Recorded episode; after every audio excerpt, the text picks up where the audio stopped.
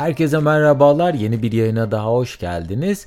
Bugün yaşımız ilerledikçe hayal gücümüz neden önemli ölçüde azalır bunu beraber inceleyelim istiyorum. İsterseniz buyurun hemen yayına geçelim. Bu arada yaptığım yayınları beğeniyor ve yeni yayınları kaçırmak istemiyorsanız dinlediğiniz platformlardan abone olarak tüm yayınlara anında ulaşabilir veya Patreon üzerinden bana destek olabilirsiniz. Çocukça davranıyorsun kelimesi genellikle saf veya olgunlaşmamış aslında anlamına gelir çoğumuz için. Genellikle bu terimi birbirimize karşı kullandığımızda olumsuz bir anlam ifade eder.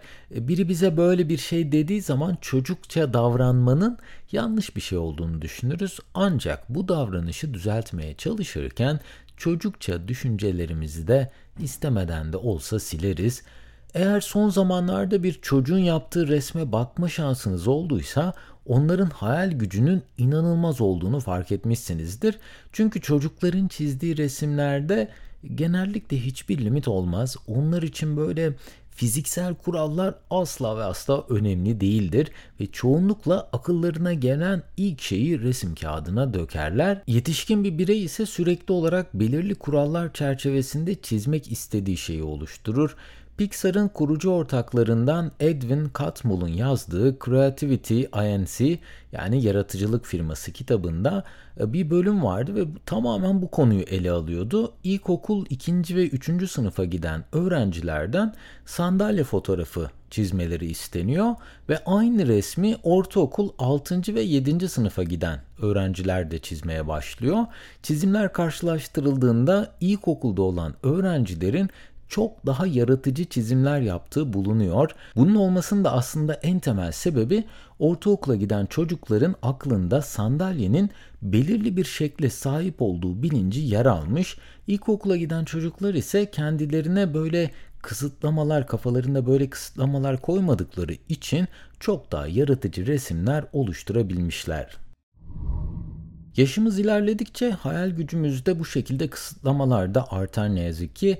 Aslında bu tıpkı vücudumuzda yer alan diğer organlar gibidir.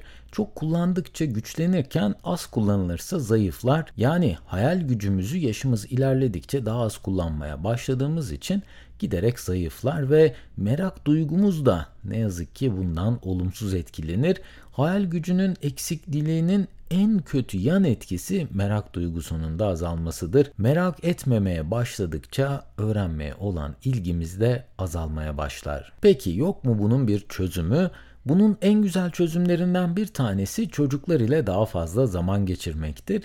Çocuklar ile birlikte onların oynadığı oyunları oynamak, onlarla beraber resim yapmak, çocuk kitaplarındaki bulmacaları çözmek, onların bir zebrayı ya da aslanı nasıl boyadığını görmek siz farkına dahi varmadan sizin de hayal gücünüzün açılmasını sağlar. Çocuklarla zaman geçirmek sadece tabii ki hayal gücü için değil daha pozitif hissetmenize de olanak tanır. Bir çocuğun yanından çok nadir bir şekilde mutsuz ayrılırsınız. Onlarla vakit geçirdikten sonra daha fazla gülümsersiniz. Bunun sebebi ise çok basittir. Bir çocuk bir gün içerisinde tam tamına 400 defa gülerken bir yetişkin sadece 20 defa gülüyormuş. Çocuklar yetişkinlerden neredeyse 20 kat daha fazla gülüyorlar. Daha pozitifler ve neşeleri her zaman bizlere göre çok çok daha fazladır. Biz yetişkinler ne yazık ki onlar kadar pozitif olmayı başaramıyoruz ve ne zaman ki onlarla vakit geçirsek daha mutlu bir faza geçebiliyoruz. Bir diğer çözüm ise yalnız başınıza vakit geçirmeyi başarabilmek. Çevremizde bizim beynimizi uyuşturan çok fazla dikkat dağıtıcı unsur var. Telefonunuzdan sosyal medyaya bakarken, televizyon izlerken veya bir oyun oynarken beynimiz tek bir yere odaklanıyor ve bu cihazların karşısında aslında bir nevi uyuşmaya başlıyoruz. Bu cihazları tamamen hayatınızdan çıkarın filan demiyorum ancak bir süreliğine de bu dikkat dağıtıcı unsurlara ara verip kendi başınıza kalın. Herkesin hoşlandığı şeyler farklı olabilir tabii ki. Kimi insan yalnız kaldığı zaman kitap okumayı tercih eder, kimisi düşünmeyi tercih eder, kimisi de sadece sessizliğin tadını çıkarmak ister. Yalnız kaldığınız zamanlar kafanızdaki düşünceleri yeniden gözden geçirebilecek zamana sahip olursunuz. Başınızdan geçen bir olay, iş yerinde üzerinde çalıştığınız proje, belki bir arkadaşınızla olan ilişkinizi yeniden gözden geçirmek için bu olayları kafanızın içinde aslında tekrar oynatabilmek için bir zamana sahip olursunuz ve bu esnada hikayede neyin eksik olduğunu veya nelerin farklı olabileceğini hayal gücünüz tamamlamaya başlar bunun dışında uygulayabileceğiniz bir diğer metot ise kitap okumak. Kitap okumak hayal gücünü güçlendirmenin en etkili yollarından biridir. Okuduğunuz kelimeler anlık olarak kafanızda canlanır. Örneğin kırmızı bir elbise giyen uzun boylu kadın sandalyeyi kendine çekip oturdu ve masadaki diğer herkese kendinden emin gözlerle baktı. Bir kitaptan alıntıladığım bu bölümü dinleyince dahi kafanızda kırmızı elbise giyen bir kadını canlandırmışsınızdır. Ancak bu elbiseyi her insan kendi hayal gücüne göre şekillendirir. Örneğin kimisi için bu elbise çok şık iken kimisi için gündelik giyilen kırmızı bir elbise olabilir. Kitap okumak kelimelerin sizde bıraktığı etkiye göre canlandırmalar yapmanızı sağlar çünkü. Bu yüzden kitaplar hayal gücünüzün genişlemesine oldukça yardımcı olurlar.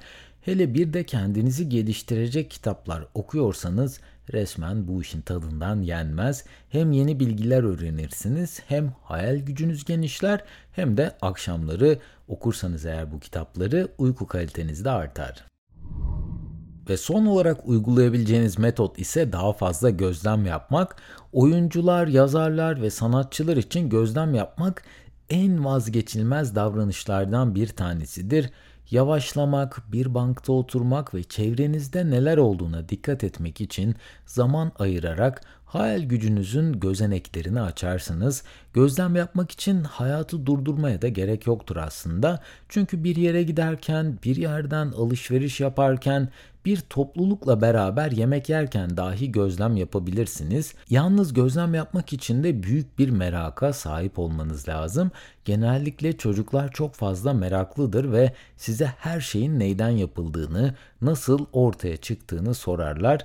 Bu sorular belki size çoğunlukla saçma gelebilir ama onların bu meraka sahip olması hayal güçlerini genişletir. Konuyu toparlayacak olursak hayal gücümüz bizlerin dünyaya olan bakışını değiştirebilecek ender araçlardan biridir. Yaşımız ilerledikçe farkına dahi varmadan daha az hayal kurmaya ve daha az sorgulamaya başlarız.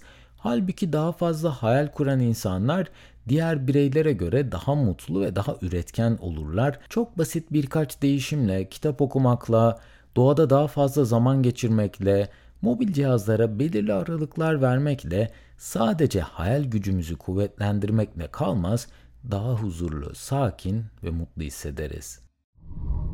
Bu bölümde yaşımız ilerledikçe neden hayal gücümüzün zayıfladığını ve bunu nasıl düzeltebileceğimizi konuştuk. Umarım sizlere faydalı bilgiler sunabilmişimdir. Bu arada tüm yayının yazılı metnine ve yayında kullandığım kaynaklara açıklamalar bölümündeki link üzerinden ulaşabilirsiniz.